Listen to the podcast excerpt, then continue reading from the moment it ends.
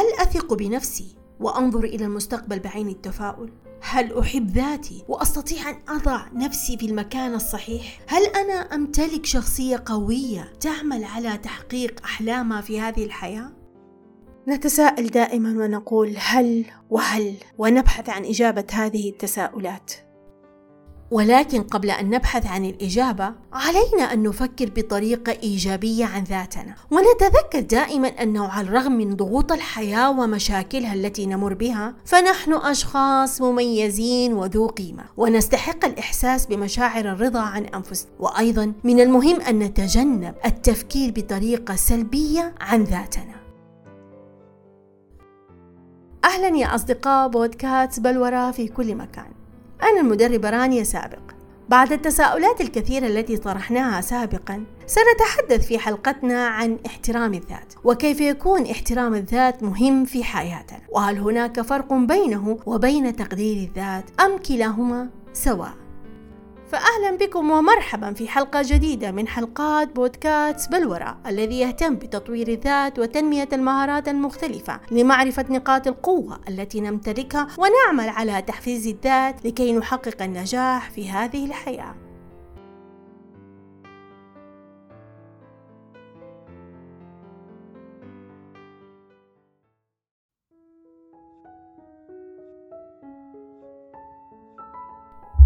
تنبع فكرة احترام الذات من الشعور بأننا أشخاص جيدين نستحق كل الاحترام. لذلك إن كنا نحترم ذاتنا فإننا نمتلك بالفطرة مشاعر الحب والحنان والطيبة لذاتنا. فاحترام الذات هو استشعار الإنسان لقيمته وأهمية وجوده في هذه الحياة ويكون في مقدار حب الإنسان لنفسه وثقته بها ويكون أيضا في النظرة الإيجابية التي ينظر بها لنفسه.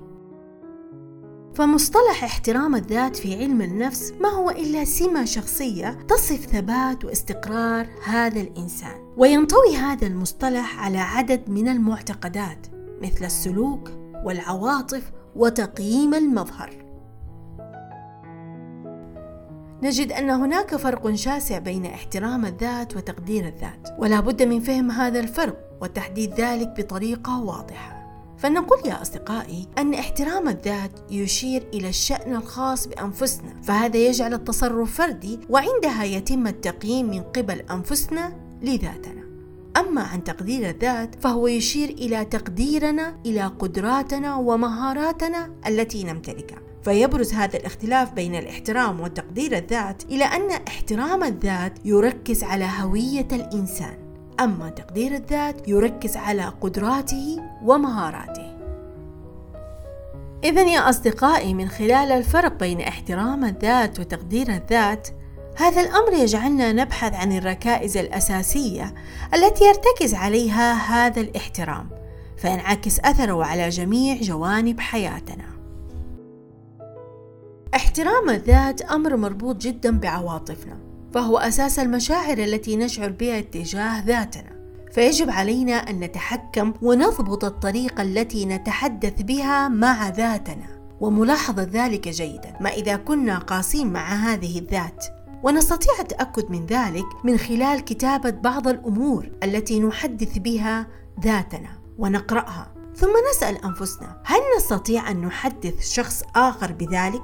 فإذا اكتشفنا أننا لا نستطيع علينا أن نعيد صياغة الكلمات بطريقة صحيحة ولطيفة ونعيد قراءتها مرة أخرى. أيضا يا أصدقائي لابد علينا أن نعلم أمر جدا مهم وهو أن كل إنسان يمتلك سمات وقدرات ومواهب يتميز بها عن غيره ولا بد علينا معرفة وإدراك ذلك وأيضا نعزز بأننا متميزين عن غيرنا. فعندما نشعر بأننا أقوياء وأننا نمتلك القوة الكافية لمواجهة مشاكل الحياة فإننا بذلك سنؤمن بأننا نستطيع أن نحدث التغيير الإيجابي في حياتنا وحياة الأشخاص المحيطين بنا. وأيضا نشعر بأننا نستطيع تحمل المسؤولية بالكامل. من رأيي أن احترام الذات يساعدنا في امتلاك مجموعة من المعايير. هذه المعايير نستطيع من خلالها إعطاء معنى ودافع لحياتنا. ويمكننا تطوير هذه المعايير عن طريق التجارب والأحداث التي نخوضها في هذه الحياة. وعندها سيكون لدينا شعور بالانتماء والرضا عن العلاقات المختلفة المحيطة بنا. وأيضا سيعزز لدينا الإحساس بالدعم والأمان. غالبا ما نجد أنفسنا في وسط بيئة نكافح فيها بكل قوانا لكي نجعل الآخرين يتقبلونا أو أننا نشعر بأننا مرفوضين وغير مقبولين في هذه البيئة. وعندها نسعى بكل الطرق إلى تطوير ذاتنا الزائفة ونستخدم جميع الوسائل لتلبية جميع التوقعات في هذه البيئة. فهذا التصرف الغير سليم والغير صحيح يساعدنا في تنشئة هذه الذات لتظفر باستحسان الطرف الآخر. وتلبية احتياجاتهم وتوقعاتهم. فاحترام الذات يجعلنا قادرين على التكيف مع الآخرين وليس تلبية توقعاتهم. لأننا إذا كنا مستعدين فقط لإرضاء الآخرين فذلك يتطلب منا إخفاء جزء مهم جدا من شخصيتنا. ويكون نتيجة ذلك أن نفقد احترامنا لذاتنا وننسى ذاتنا الحقيقية ونفقد الاتصال بمشاعرنا. فيكون هناك خسائر في فرصة القبول الحقيقي وعندها يكون هناك مشاعر الاكتئاب والغضب والفراغ. احترام الذات من شأنه أن يعطينا حافزا قويا وكبيرا لنتعلم ونكسب الخبرات في مختلف مجالات الحياة. ويكون هناك محاولة مستمرة للتعلم ما هو جديد لكي نتطور ونتقدم نحو الأفضل دائما. من هذا الأمر نكون قد أنشأنا ارتباطا وثيقا وكبيرا بين سلامة الصحة النفسية واحترامنا لذاتنا حيث أن ذلك يحقق السعادة والراحة والإحساس بالأمان والسلام الداخلي. وأيضا يعزز لدينا الثقة بالإنجازات والتحديات التي تعرضنا لها في حياتنا. وهذا يجعلنا أكثر اتزانا بعيدين عن التهور والعدوانية. عندما نفكر أننا عاجزين عن تحقيق ما نريد ونتساءل حينها ما هو السبب؟ ما هو العائق الذي يقف أمامنا؟ لماذا لا أستطيع أن أحقق أهدافي في هذه الحياة؟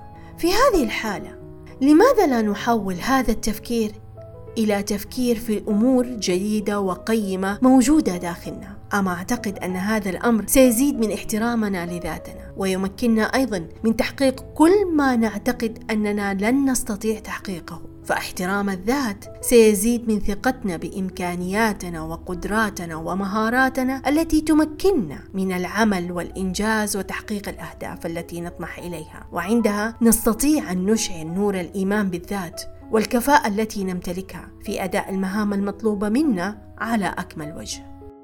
دائما أتساءل لماذا نفكر بالماضي؟ لماذا لا نركز على الحاضر الذي نعيشه بكل أحداثه؟ لكي نستطيع أن نبني مستقبل جميل نحلم به. ما هي الفائدة من استرجاع آلام التي مضت؟ هل هذا سيجعلنا نحترم ذاتنا أم أنه سيجعلنا نقوم بجلد هذه الذات؟ لذا أتمنى يا أصدقائي أن نتوقف عن استرجاع الماضي لنستطيع معرفة ذاتنا ونبني توقعات إيجابية عنها وأيضا نستطيع أن نتذكر دائما أنه على الرغم مما مررنا به فنحن أشخاص متميزين. دائما يشعر الأشخاص الذين يمتلكون احترام الذات بالفخر بما هم عليه وبما أنجزوه حتى لو كان بسيطا ويحاولون دائما الابتعاد عن التجارب التي تشعرهم بالعز أو النقص. ونجدهم أيضا يمتلكون علاقات سعيدة وسليم فإذا نظرنا إلى الجهة المقابلة نجد أن هناك أشخاص ليس لديهم احترام لذاتهم بشكل كافي. فنجدهم يعانون من مشاعر التوتر والاكتئاب والإحباط ويواجهون صعوبة بالغة في التسامح مع العلاقات والمواقف المزعجة التي توجد في حياتهم. اذا يا أصدقائي نجد أن احترام الذات ينعكس على نفس الشخص ويكون في مختلف جوانب حياته. نجد أن احترام الذات يا أصدقائي يبدأ بالثقة بالذات وتكون هذه الثقة في أدنى مستوياتها في مرحلة الطفولة. إذا كنا نبحث عن احترام الذات لابد علينا معرفة بعض الخطوات لمعالجة المشاكل التي يواجهها وهذا يتمثل في تعلم كيفية التعرف على الأفكار السلبية التي تؤثر على قيمتنا الذاتية ومحاولة مواجهة هذه الأفكار بأفكار أخرى. تكون أكثر واقعية وإيجابية. ونحاول قدر المستطاع أن نتحدث مع هذه الذات بطريقة إيجابية. وأيضا نتدرب على مسامحة ذاتنا على الأخطاء الماضية وأن نمضي قدما في هذه الحياة. فلنقول ذلك بطريقة بسيطة جدا. إن جوهر وجودنا في هذه الحياة يعتمد على احترام الذات وهي البداية للخطوة الأولى. في طريق حياتنا. ومن هذه الخطوة نبدأ السعي لتحقيق آمالنا وأحلامنا. ونعزز من خلالها قيمتنا كبشر. وكما أيضا نستطيع أن نقول أن الإحساس السليم لاحترام الذات مسؤول بشكل كبير عن قراراتنا التي نتخذها في حياتنا وعن علاقاتنا التي نختارها في مسار حياتنا. ومن ناحية مهمة جدا إذا كنا لا نهتم كثيرا باحترام الذات فقد يؤدي ذلك إلى أن نبدأ في نقد الذات الذي ينتهي بجلد الذات.